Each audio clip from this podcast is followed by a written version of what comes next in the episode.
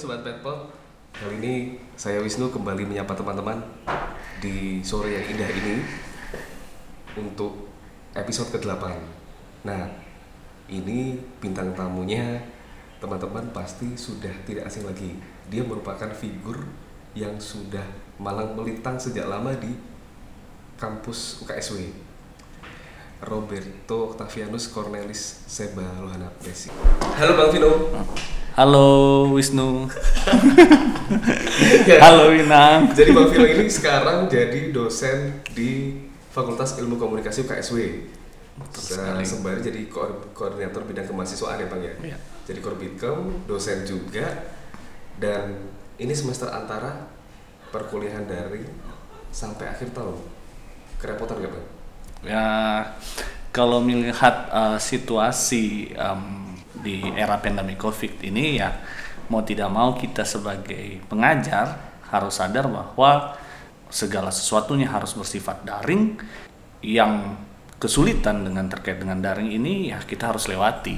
Kita harus lewati kita harus siap bahwa um, kalau terkait dengan um, perkuliahan uh, pengabdian masyarakat dosen kan harus ada penelitian pengabdian masyarakat sama mengajar kan itu harus kita harus sadari bahwa um, mau tidak mau harus siap dengan model apa pun yang terkait dengan online atau daring ini Kesulitan.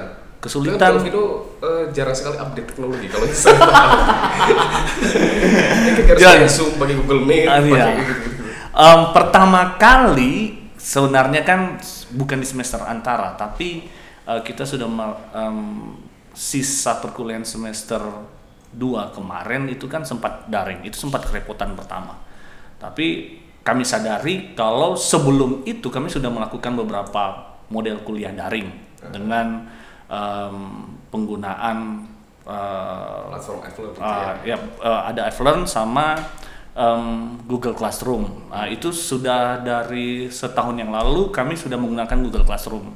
Uh, jadi sebenarnya nggak terlalu kaget. Cuma untuk yang terkait dengan video conference atau uh, pertemuan um, um, yang sedulunya tatap muka ini kan harus ada tetap bagian-bagian itu. Ya itu memang awalnya sulit uh, untuk mengupdate kita menggunakan Zoom terus Google Meet itu awal-awalnya memang cukup ini ini bagaimana ya cara untuk share um, PPT-nya kan sempat sempat bingung juga tapi Pernah ya, malu-maluin nggak di depan mahasiswa? Eh, Suaranya nggak keluar. kalau suara nggak keluar saya belum pernah tapi waktu uh, waktu mau presentasi saya lupa kalau misalnya saya ini bukan zoom berbayar saya bukan zoom berbayar jadi pas ini kenapa nggak bisa nggak bisa ngupload presentasi lagi ternyata yang presentasi itu pak yang uh, apa yang presentasi menggunakan zoom itu ada batasnya kalau yang tidak berbayar Tuh, kalau 40 menit. Ah, gitu ya. ya 40 menit itu ada batasnya. Dan akhirnya em, saya memba- membuat eh, membuat eh, mem- mau tidak mau asisten saya yang mempersiapkan eh, presentasi saya. Jadi saya tinggal bicara di situ Oke, tinggal presentasikan oke, pada waktu bisa, itu. Untungnya punya asisten ya. Iya. Eh, update teknologi. Iya, luar biasa. Nah, Bang Vino ini sudah lama di UKSW sebagai dosen sudah satu tahun ya Bang? Lebih. Iya, sebagai dosen tidak tetap itu satu tahun lebih satu semester, kemudian em, menjadi dosen kontrak em, tetap ini eh, menuju ke dosen tetapnya itu baru satu tahun nanti di Agustus ini. Kenapa kok UKSW? Kenapa gak kepikiran kampus lain gitu loh? Dan soalnya kan Bang Vino alumni juga. Ah. Alumni dari S1 Hukum Iya. UKSW. Iya. Nah, kita juga tahu kalau banyak sekali alumni yang kembali ke UKSW dan ngajar Bang. Ya. Salah satunya Bang Vino. Nah. Kenapa saya memilih UKSW? Saya berhutang banyak dengan UKSW. Saya kuliah di saat saya sadar untuk berkuliah, itu saya mendapatkan beasiswa itu dari UKSW. Jadi saya sadar kuliah itu, saya ini sebenarnya angkatan 2002. Oke. Ah, lebih saya angkatan 2002. Terus em, saya Dan itu waktu itu ekonomi ya Bang ya? Iya, saya ekonomi akuntansi pada waktu itu. Ah, di saat saya pengen em, dan sadar saya harus em, saya bukan passion saya di ekonomi, saya pindah ke Fakultas Hukum tahun 2006. Tahun 2006 namun saya sadar untuk kuliah itu sekitar 2008 2009 itu saya sadar untuk kuliah.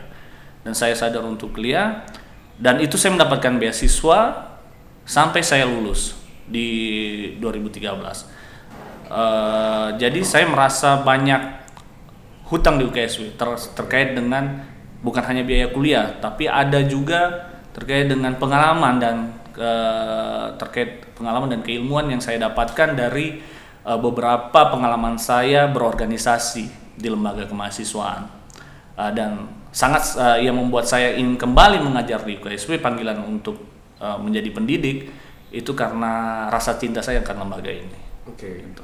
Tapi S2 biaya sendiri. S2 biaya sendiri. S2 saya biaya sendiri em, di S2 di Muhammadiyah Jogja. Em, kebetulan saya mengambil di hu- eh, prodi hub eh, Magister Hubungan Internasional. Dan em, ini em, karena saya memilih Muhammadiyah Mu- Muhammadiyah apa nama? Muhammadiyah Jogja ini juga terkait dengan biaya. Em, terkait dengan biaya. Em, karena saya mendaftarkan mendaftarkan ke UGM pada waktu itu biayanya cukup tinggi lolos lolos tapi biayanya cukup tinggi dan saya memilih untuk ke di Muhammadiyah. Muhammadiyah. Dan termasuk jurusan HI yang terbaik. di ya eh, ter- Muhammadiyah. di Muhammadiyah Muhammadiyah kebetulan universitasnya secara institusi itu akreditasinya A dan em, sekarang ini setahu saya mungkin eh, sudah A kalau di Muhammadiyah Jogja Eh, tapi waktu saya mendaftar itu masih B waktu itu masih B Jadi gak ada kemungkinan untuk pindah kampus. Misalnya nanti ditawari UPH atau di tidak Tidak, tidak, ya? tidak. saya Tidak, tetap tidak. di saatnya Eh, Kalau diajak Pak John Kalau diajak Pak John mengajar di kampus, tetap oke. tetap kita em, kita kita pernah kita merasakan eh, teman-teman juga kan berorganisasi jadi kita setidaknya em, kalau mencintai mencintai mencintai lembaga itu kan karena karena apa yang kita dapat dari lembaga itu Betul. Bukan bukan bukan em, ada embel-embel lain istilahnya seperti itu. Tapi kalau saya saya mendapatkan banyak banyak pengalaman dari dari em, dari zaman PR3-nya Pak Umbu Rauta, dari PR3-nya Pak Pak Yafet, terus Pak da- Pak Arif Budiman, eh Arif Budiman, Arif Sarjarto, sorry. Pak Arif Sarjarto, Terus sam- sekarang Pak Rocky. sekarang Pak Rocky. Jadi s- saya memiliki pengalaman banyak dari eh, mereka dan yang eh, dan yang secara tidak langsung em, apa namanya membekas, membekas, membekas dari kita dan yang secara sadar, secara sadar yang akhirnya kita eh, tahu bahwa yang kita cintai ini adalah lembaga ini, UKSW. lembaga UKSW. Jadi Bang Vino ini tahun 2002 akuntansi, Hmm. kemudian setelah 2006 menyadari bukan passionnya, udah empat tahun tuh Bang ya? Iya. Udah mau skripsi, Udah. pindah ke hukum Iya. dari 2006 lulus 2013. Iya. Terus baru ambil HI. Ini kan tiga bidang studi yang berbeda. Kok bisa ini gimana? Jadi sebenarnya Bang Vino ini lebih ke mana? Jadi Spesialisasinya? spesialisasi. Nyesel gak pindah-pindah? Em, kalau kalau lihat teman-teman kita yang satu angkatan 2002 dulu itu saya sempat em, menyesal juga karena teman baik saya yang sama-sama kita ngambil kuliah di ekonomi sama-sama dari Riau teman sekolah minggu itu dia kerja di perusahaan Korea perusahaan minyak Korea yang kerjasama dengan Pertamina. Saya lihat di saat dia sudah lulus dia kerja sementara saya masih kuliah di Fakultas Hukum sempat nyesal yang kayak begitu tapi saya percaya se- setelah saya sadar kuliah kalau bicara dalam perspektif teologi ya berarti kita sadar kalau kalau kan ini adalah rencana Tuhan ya. Ini adalah rencana Tuhan. Jadi em, eh, saya akhirnya mengalir. Setelah sel- selesai hukum sel- sel- selesai di fakultas hukum saya lanjut profesi advokat di Undip. Saya profesi advokat lulus kemudian saya ambil baru saya ambil S2 Magister Hubungan Internasional di em, Muhammadiyah. di Muhammadiyah Jogja. Dan em, saya setelah itu di dalam saya berkuliah di Muhammadiyah Jogja di Magister Hubungan Internasional saya ikut ujian profesi advokat. Ujian profesi advokat saya juga lulus ujian profesi advokat. Dan saya sekarang ini cuma tinggal tunggu kalau terkait dengan advokat saya cuma tinggal tunggu pelantikan untuk advokat. Sumpah. sumpah, advokat. Uh, dan memang dari dari dari dari dulunya uh, waktu saya ambil fak- kuliah di Fakultas Hukum itu saya pengen sekali karena ada beberapa dosen yang saya lihat itu dia selain melayani di dalam kampus dia tetap melayani masyarakat dengan profesinya dia. Um, beberapa dosen itu ya kayak Pak Jefferson Cameo yang uh, dosen um, apa nama dosen di Fakultas Hukum juga seorang advokat. Dulu sempat menjadi advokatnya Gus Dur. Apa ya Fetrisi juga seperti itu. Dan ada beberapa uh, yang beberapa dosen yang lainnya yang um, uh, sadar bahwa melayani di dalam kampus dan melayani di masyarakat. Dan itu yang saya saya menjadi apa namanya motivasi. Motivasi saya untuk um, uh, kalau di bidang hukum uh, mungkin profesi saya ini berguna untuk Masyarakat. kepentingan masyarakat um, untuk uh, terkait di pendidikan saya punya punya motivasi bagaimana membentuk generasi-generasi penerus bangsa ini Adik-adik yang kita. takut akan Tuhan ini adik-adik kita ini untuk menempuh uh, untuk uh, mendapatkan apa yang mereka cita-citakan kebetulan saya mengajar di Prodi HI dan saya sangat um, mendorong dan mem- uh, ber- uh, sangat um, mendorong untuk membentuk mereka untuk uh, mendapatkan apa yang mereka cita-citakan di terkait dengan profesi-profesi di hubungan internasional.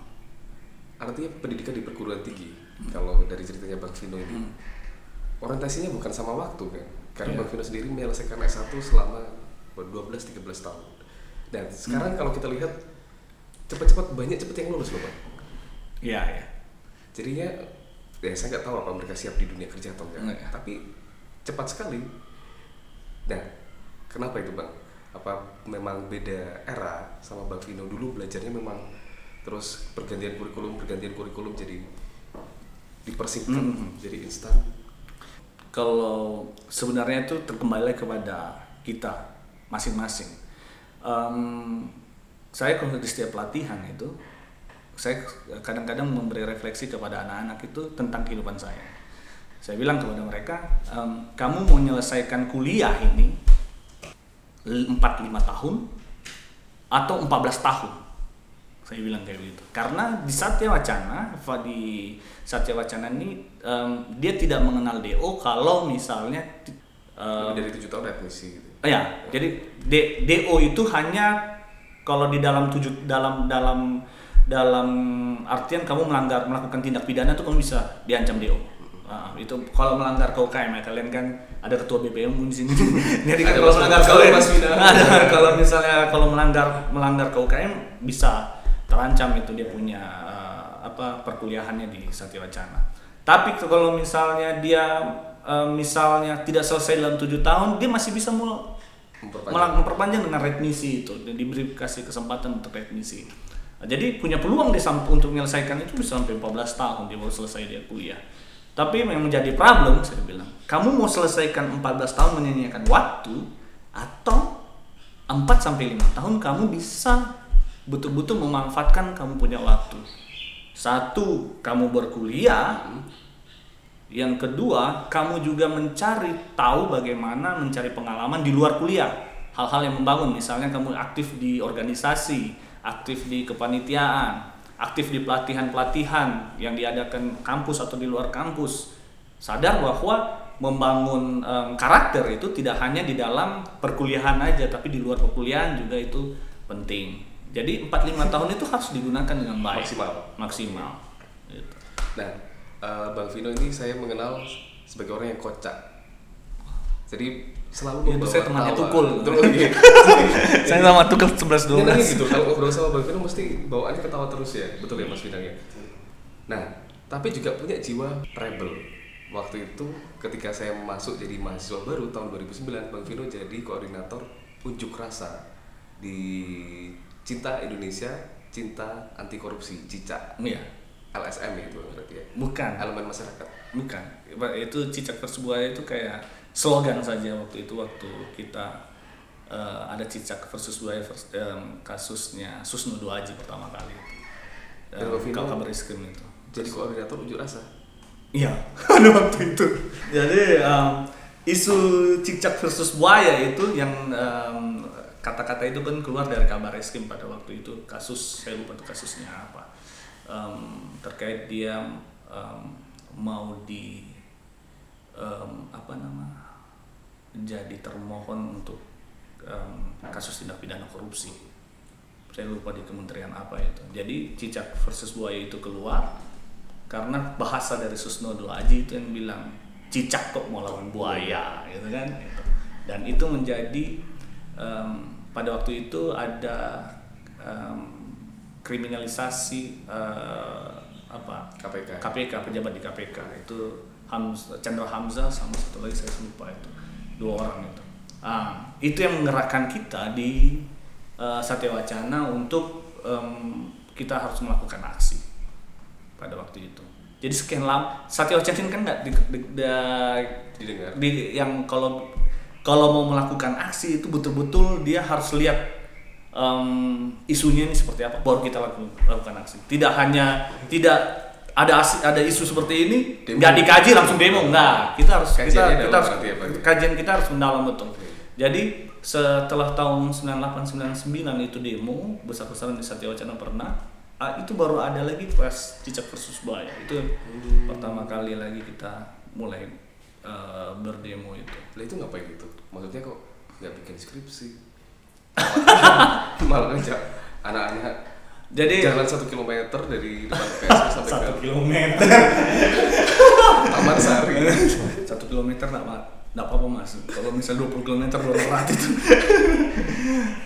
Ya pada waktu itu karena uh, saya merasa kayak kita perlu perlu ambil uh, tanggap isu isu yang seperti ini karena um, uh, ada yang harus dilihat dari penegakan hukum di Indonesia ini harus yang ada harus yang di uh, istilahnya um, Eh, kita dorong agar suara-suara minor ini bisa didengarkan. Jadi uh, kami sadar bahwa uh, ada problem terkait dengan penegakan hukum di Indonesia, terutama terkait dengan uh, lembaga um, anti korupsi ini dan harus kita uh, lindungi. harus lindungi lah. Um, dan kami dari mahasiswa merasa perlu untuk melakukan aksi.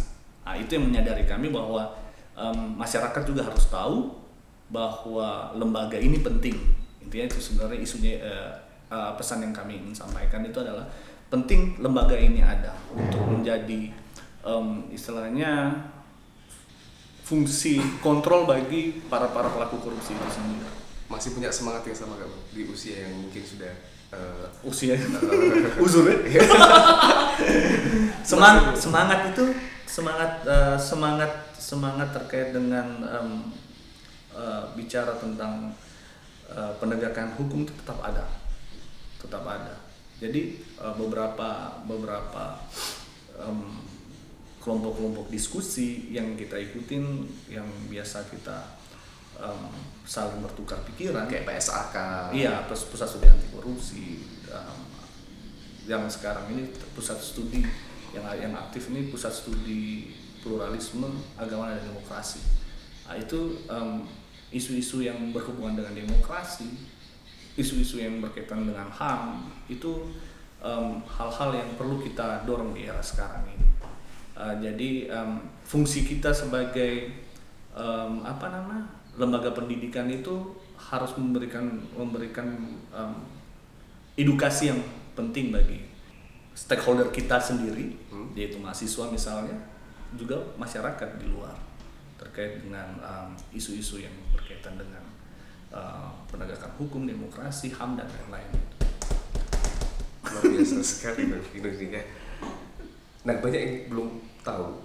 Jadi kalau teman-teman mahasiswa mungkin yang generasi 2012 ke bawah itu banyak yang belum tahu bahwa Bang Vino ini adalah seorang ayah dari putri bernama Fanya. Iya.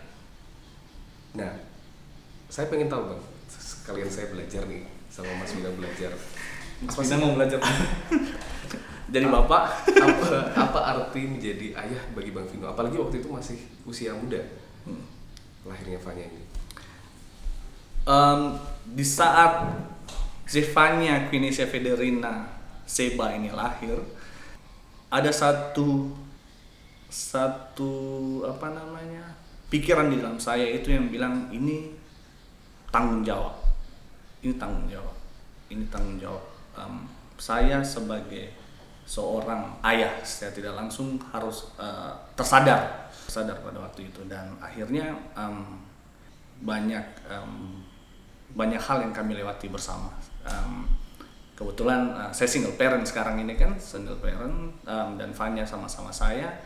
Tanggung jawab itu menjadi lebih setelah saya single parent dan em, memberikan hal-hal yang men- memberikan hal-hal yang baik bagi anak ter- terutama terkait dengan eh, edukasinya ataupun em, mengarahkan bahwa hal yang ini baik hal ini yang tidak baik em, menyadarkan bahwa em, harus tahu kalau misalnya dengar-dengaran dengan orang tua takut akan Tuhan itu juga penting. Nah, dan akhirnya sadar bahwa harus disadarkan bahwa berkat itu datangnya dari Tuhan. Itu pokoknya hal-hal yang seperti itu yang eh, membuat mau tidak mau tanggung jawab sebagai seorang eh, orang tua pada waktu saat muda yang menyadarkan saya bahwa em, saya harus em, memberikan yang terbaik buat anak dan keluarga Saya harus berubah. Nah, jadi saya harus berubah pada waktu itu. Uh, yang akhirnya um, saya lewati semua itu pelan-pelan bersama Fanya. Dari saya masih kuliah S1, terus lanjut S2, kemudian um, menjadi asisten di Satya menjadi dosen tidak tetap, dosen kontrak menuju tetap dan nanti uh, kalau Tuhan saya 100% menjadi dosen tetap di tahun depan. Um, ini yang saya em, istilahnya mau tidak mau kita eh, tersadar bahwa tanggung jawab sebagai seorang ayah itu eh, tidak bisa didefinisikan sebenarnya tapi ya penting bang itu dia atas dari eh, menjadi prioritas kita sebagai seorang ayah Ya, seperti itu. Artinya Fanya lahir Nah. itu ketika Bang Vino masih kuliah S1. iya masih kuliah S1 tahun 2007 jadi saya jadi titik balik. ah titik balik untuk sadar bahwa kuliah itu penting Jangan nangis dong bang. oh ketawa besar sebenarnya Bang Vino pernah berada dalam masa-masa sulit waktu kuliah dan sering bahkan setahu saya sampai jadi dosen tidak tetap pun Hmm. eh, masih sering menghadapi masa-masa Iya. sulit tapi tetap bertahan di sini bang ya? Iya. kenapa itu panggilan atau karena nggak ada pilihan aja Jadi em, saya tahu kalau misalnya eh, tempat yang kalau kita pilih dan kita doakan itu pasti akan menjadi berkat buat kita. Jadi maknai setiap prosesnya.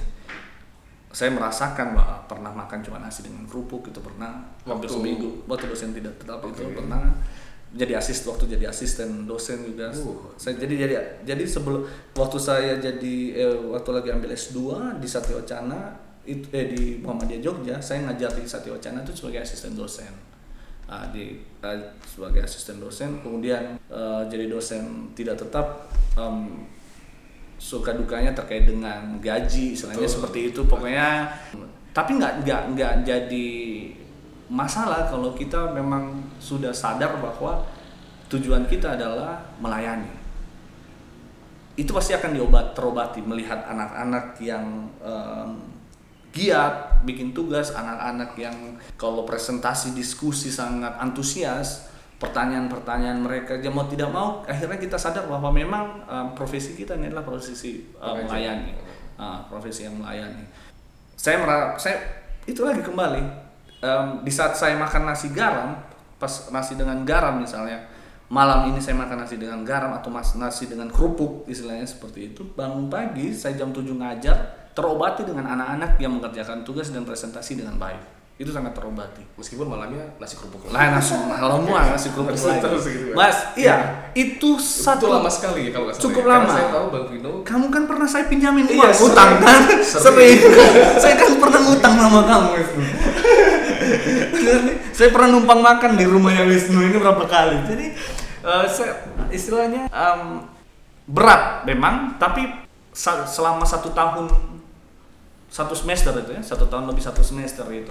Saya dosen tidak tetap tapi saya ta- saya yakini di dalam diri saya dan saya bawa dalam doa terus bahwa Tuhan kalau memang Tuhan pakai saya untuk menjadi menjadi eh, apa nama berkat bagi anak-anak di em, kampus yang saya cintai ini em, saya pikir pasti saya akan mendapatkan em, eh, balasan yang setimpal istilahnya seperti itu. tidak pernah sedikit pun uh, kecewa atau karena gini loh bang ini kan nasi dan kerupuk Nah. oke lah semalam dua malam Kalau tiap malam. Kalau tiap malam kayak satu gimana? semester nanti kan kita yang jadi kerupuk artinya gini loh bang maksudnya banyak dosen-dosen yang baru Nah, uh, menampaki dunia Ah. pengajaran terus jadi dosen tamu Ah. kadang-kadang kita ngerasa nggak dihargai bang Ah. dengan jerih payah kita bikin Ah. materi belajar gini-gini gini. Hmm. dan apa yang kita dapat kadang tidak tidak dihargai gitu Hmm. Karena nasi kerupuk tadi Nah, jadi nggak pernah sedikit pun bang Vino goyah iya. Jadi karena karena itu lagi Wisnu, karena aku merasa karena ini tempat dan em, karena tempat pelayananku di sini, lembaga yang kucintai ini ada di Satya Wacana ini. Jadi selama satu tahun lebih satu semester itu, saya ini kondi- kondisi keuangan keluarga ini pap orang tua sudah pensiun. betul Be- Untuk mengirimkan uang itu sudah tidak mungkin lagi. dan ada banyak Eh, Iya dan ada Fanya. Tapi em, kebetulan saya punya punya beberapa sa- saya harus cari kerja di tempat lain. Istilahnya maksudnya eh, harus ada sampingan. Eh, sampingan-sampingan itu ada beberapa teman yang membantu saya. Saya sempat kerja di eh, Suku Vindo, sempat kerja sampingan di Suku Vindo sebagai surveyor waktu itu berapa kali kerja. pernah jadi apa barista di Iya pernah jadi barista pernah. di Re- Relaxo Cafe. Jadi saya saya ikutin semuanya itu. Saya pernah kerja di LTC juga waktu itu tahun 2000 tahun 2 itu waktu masih mahasiswa. Jadi kerja di eh, LTC sama sambilan saya kerja di em, jadi barista di eh, Relaxo Cafe. Tapi pas jadi dosen tidak tetap itu itu saya cuma eh, tambahan kerja saya eh, sampingan saya cuma di Sukovindo waktu itu. Nah, itu kalau misalnya ada proyek, kalau nggak ada proyek ya masih kerupuk lagi, masih kerupuk lagi, masih kerupuk lagi. Dan saya pun bersyukur juga karena saya mendoakan mendoakan em, eh, profesi saya ini, saya terbantukan dengan apa namanya ibu kos yang sangat membantu saya. Saya hampir satu tahun itu tidak bayar kos. wow Itu saya tidak bayar kos hampir setahun. Dan saya mulai membayarkan kos itu setelah saya jadi dosen kontrak tem- menuju tetap itu. Nah, Oke. itu itu saya em, eh, dosen kontrak itu saya dapatkan sudah mulai dapatkan gaji tetap dan itu saya mulai cicil ke ibu kos itu. Dan istilahnya semuanya itu diuji sampai kapan kamu tahan tapi iya itu kan ka- kalau istilah teologisnya asik cook itu kan beda-beda tuh Eh, apa yang kita beban itu beban itu kan beda-beda masing-masing orang. Nanti Tuhan juga tahu kamu kuat di sebelah mana nanti dia akan kasih berkat buat kamu. Jadi bang ini juga religius sekali. Ibu kosnya membantu berarti ya bang ya? Ibu kosku sangat membantu. biasa berarti mulia sekali. Depan kosku itu aku bisa ngutang itu sampai ngutang makan itu bisa sampai satu bulan gitu nanti tinggal kita bayar pas bulan. Atau pak kalau dosen tidak tetap ini kan per semester bayar kan nah per semester itu bah, itu saya bayarkan semua itu langsung sudah berapa bulan itu langsung saya bayarkan itu Untuk kos gitu ya? untuk kos Berarti untuk sama lagi? sama nasi sama ya. habis itu setelah itu kita berpikir lagi kan Oke, untuk oke, nasi kerupuk atau tidak. Itu Ya. kosnya di mana? Mungkin teman-teman nanti bisa. Eh, itu saya kos di Damatex dan kebetulan ibunya itu mantan mantan eh, suaminya itu mantan eh, pejabat kejaksaan di di Damatex di jaksa di Salatiga ini di Salatiga. Jadi em, pensiunan dia punya kos. Uh, saya bersyukur sekali punya kan saya panggil dia oma oma.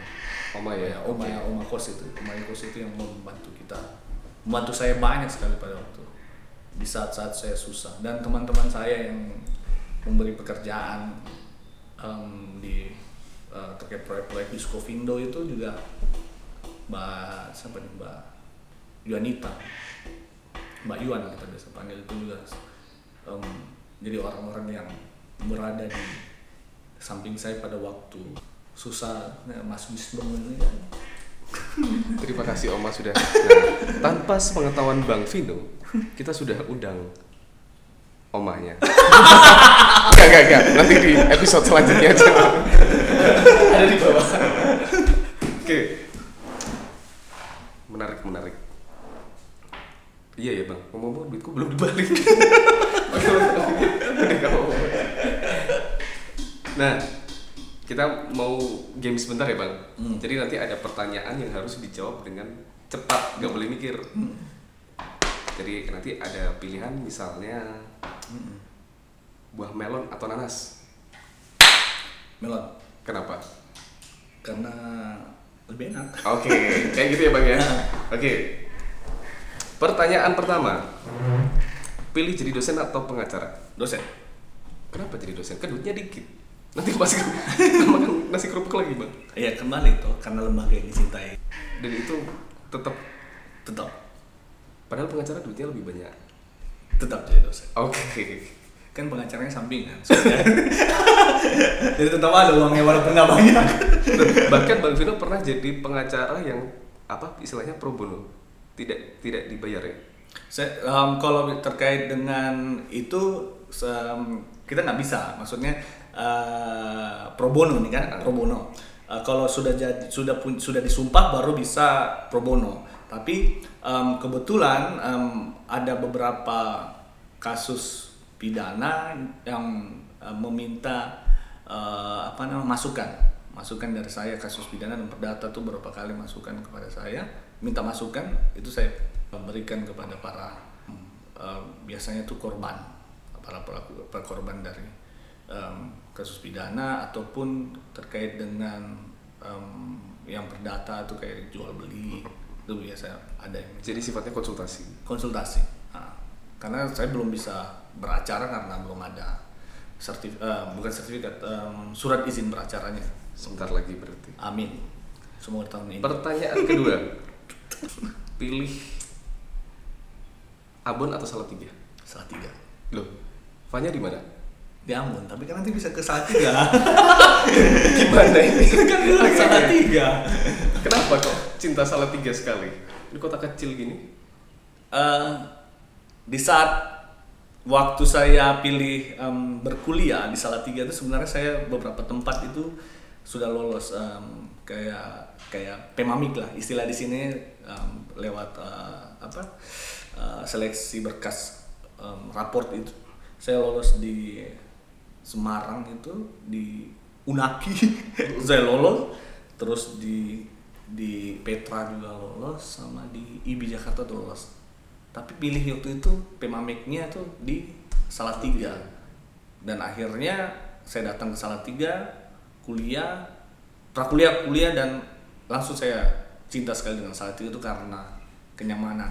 Kenyamanan eh, suasana perkuliahan terus Kotanya eh, suasana sejuk. kotanya sejuk baru suasana masyarakatnya Baik-baik ya tadi kayak Oma Nah, kos apa tadi. itu. Bayangkan kalau Oma itu semua Oma kos kayak begitu. Ya, bayangkan kalau Oma kos atau ibu kos kayak satu kemiri kayak begitu. Itu bayangkan itu. Itu maklumat eh, Pemda terkait Covid itu batal semua ya. Berarti kita nantikan Fanya datang ke Salatiga. Pertanyaan berikutnya, Erick Thohir atau Ganjar Pranowo? Ganjar. Kenapa? Baru datang ke sini gitu. Karena karena baru datang ke sini. Eh, Ganjar karena selain em, dia terlihat rendah hati, kan terlihat rendah hati dari dia punya ini. Eh, Dia ba- banyak ba- banyak dia punya em, kebijakan yang di dalam era covid ini kita sadar bahwa kita punya seorang uh, pejabat pemerintah yang sangat care terhadap um, masyarakatnya Nah, itu dan saya pikir untuk uh, penduduk provinsi Jawa Tengah yang banyak kayak begini dia bisa mampu menghandle terkait dengan perkembangan COVID di Jawa Tengah dengan baik saya pikir Top Ganjar lebih top. Jadi kita sudah tahu apa pilihannya Bang Vino. iya Oke, terakhir. Ini harus dijawab loh Bang. Dengan cepat. John Titale atau Neil Rupidara? Neru Bidara Loh.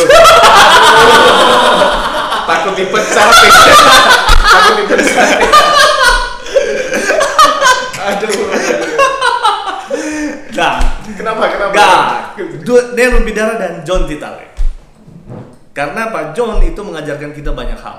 Pak John itu mengajarkan kita tentang bagaimana seorang, em, apalagi seorang eh, Kristen, Kristen yang berkembang, yang eh, mencintai si Kristen Indonesia ini seperti apa, menjadi menjadi eh, orang yang mencintai bangsa sebagai orang yang minorat, minoritas itu seperti apa, terus mencintai lembaga Satya Wacana itu saya kenal dari Pak John. Titale. Karena bahasa itu ya, kan eh, apa namanya? kampus Tuhan. Karena bukan bukan itu ya, ya kita tahu latar belakang karena latar latar belakang Kristen Tapi waktu LLKM waktu kita jadi SC dan kan Anas sendiri ya Iya, saya pernah gocek. apa nama Wisnu sama Winan kan dengar sendiri kalau misalnya Pak John bilang bagaimana kita harus mencintai lembaga ini seperti apa jadi Pak John itu memberikan pengalaman yang banyak buat em, apa nama buat em, Kita bertumbuh. kita bertumbuh untuk kebetulan untuk saya juga panel juga banyak hal yang saya Iya, tapi salah satu. Ke- saya dua-duanya Gak bisa. Gak Saya bisa. dua-duanya karena dua, karena dua-duanya memberikan banyak Oke. hal.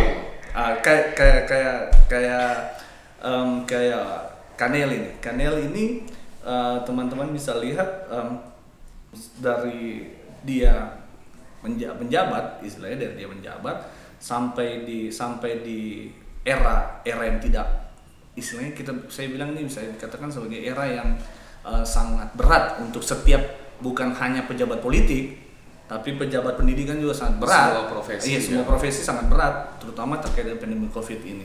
Dan teman-teman bisa lihat em, kampus Satya Wacana ini termasuk kampus yang sangat care terhadap em, apa namanya problem problematika problematika terkait dengan em, eh, apa nama em, covid ini. Mau bicara tentang eh, apa namanya kebijakan terkait dengan kemanusiaan ada berkaitan dengan terkait dengan em, bagaimana menjalankan em, perkuliahan dengan pendidikan dengan model daring ataupun apa pun itu eh, pengabdian masyarakatnya juga tetap dijalankan. Webinar-webinar teman-teman bisa lihat banyak yang kita lakukan. Tetap ada tetap, tetap ada jalan tetap jalan semuanya. Jadi eh, walaupun ini situasi sulit mampu di manage dengan baik. Mampu di manage dengan baik. Jadi eh, Pak John punya porsi tersendiri di dalam kehidupan saya eh, dalam membangun karakter saya Pak Nervin Kudara juga punya karakter sendiri di, dal- di dalam panel di dalam panel itu ada ada beberapa orang lagi misalnya kayak karaoke kan sama-sama Masalahnya gini. Cuma pertanyaan. Nah, Bang Vino suruh pilih salah satu yang Hmm. paling entah melekat di hati atau paling Nah. berkesan atau dari Pak John Titale dan Pak Niru Pidara. Satu aja. dari mereka Iya. berdua Ya. yang paling terkesan Ya, terserah. Tapi pilih salah satu. Paling cocok kebijakannya. tokoh Iya. langsung ah Ya, yang paling berkesan deh. Yang paling berkesan dan paling yang paling berkesan Kalau saya Pak John. Nah, kalau Bang Vino apa? Karena saya punya pengalaman, saya pernah eh, jemput Pak John Itali. naik naik motor Dan itu naik Bidadharma. Dan kan Pak John besar ya, tinggi Ah. gitu. Motornya kan gak kuat. Rrrr, jalannya pelan-pelan gitu. Dan Pak John santai. Hmm. Sangat-sangat rendah hati dan itu itu pengalaman berkesan bagi saya Nah. gitu. Meskipun saya mengagumi Pak Nil, tapi kalau disuruh milih salah satu saya akan pilih Pak John. Bang Oke. Vino sebagai sivitas akademika LKSP. Oke. Kalau ber- bertemu langsung, bertemu langsung itu saya dan Pak John apa untuk berdiskusi langsung terkait hal hal-hal yang em, em, berkaitan dengan kesatyawacanaan ataupun saya belum pernah. Tapi kalau bicara bicara tentang em, yang berhubungan langsung dengan eh, yang dengan bagaimana membentuk karakter em, mahasiswa saya sempat itu malah di zamannya Pak Neil di waktu pas Pak Kak Neil memberikan presentasi masih ingat waktu kita LLKM dan mati lampu? Masih, masih, nah ingat itu. waktu mati lampu mati lampu kita bikin eh, LMKM ya itu belum LL masih LMKM LMKM percepatan Ah, dan iya, pada akhirnya kita nyalain lampu mobil. Mobil? Nah, Selain- jadi masih kita masih ingat Ka- Kanel memberikan em, dia baru pulang dari Australia baru pulang dari Australia dan kita minta untuk dapat member- membantu memberikan em, menjadi narasumber di saya lupa tuh materinya apa itu. Em, Kanel dat kasih materi dan di saat itu mati lampu dan kita menyalakan mobil untuk kasih penerangan pada waktu itu penerangan. Dan materi itu dijalankan tepat waktu misalnya agian waktu itu tiga jam ya tiga jam dia bikin. Tanya jawab juga full juga. Dan anak-anak pada waktu itu antusias. Dan itu yang membuat saya bahwa em, tidak semua pengajar mungkin punya punya passion yang seperti ini untuk untuk ini. Kadang kadang kan kalau misalnya kalau misalnya sudah kayak begini kan dia bias- bisa sudah sudah cepat saja cepat saja eh, apa materi ini kita sampaikan. Oh, iya, iya, saya Ah, jadi kalau dia tetap menyelesaikan ah, dia materi menyelesaikan itu. materi itu sampai selesai. Dan dia selesai dia memberikan materi anak-anak juga antusias untuk memberikan pertanyaan itu kesan saya. Kalau dengan eh, dengan Pak John ber- bertemu langsung terkait dengan em, perkuliahan ataupun apa saya belum pernah selama saya berkuliah malah saya nggak pernah ini Jadi teman-teman sudah tahu lah pilihannya ke arah yang mana ini. Oke, terakhir bang, ada pesan-pesan nggak buat Mas Winang dan saya terkait berkeluarga ini? berkeluarga Ya, terkait menjadi laki-laki di keluarga. Oke. Oh, Jadi jangan nanti gender nanti. Oh, iya, terkait boleh. menjadi seorang eh, ayah yang baik bagi Nah, anak. buat Winang sama Wisnu dan teman-teman teman-teman berkeluarga. nah istilahnya kayak begitu yang pengen keluarga ya eh, menjadi ayah itu merupakan em, tanggung jawab yang eh, harus dijalani eh, terutama karena ini merupakan amanah amanah yang maha kuasa kamu telah diberikan berkat diberikan berkat ya kamu harus mampu memberikan yang terbaik buat berkat eh, buat anak eh, kamu ini supaya dia bisa menjadi yang terbaik nantinya eh, di masa depan. Ya gunakan itu guna- gunakan baik-baik apa yang menjadi apa yang ada di dalam kamu yang menjadi yang diberikan Tuhan terkait dengan banyaknya berkat ya berikan yang terbaik buat anak-anak. Anak anak anak. Kalau misalnya anaknya lebih dari satu. Ya, istrinya satu aja bang. Ya istrinya satu aja. Oke. Terima kasih bang Vino. Terima iya. kasih teman-teman yang sudah mendengarkan. Sampai ketemu di episode selanjutnya. Salam petpot dan da. da.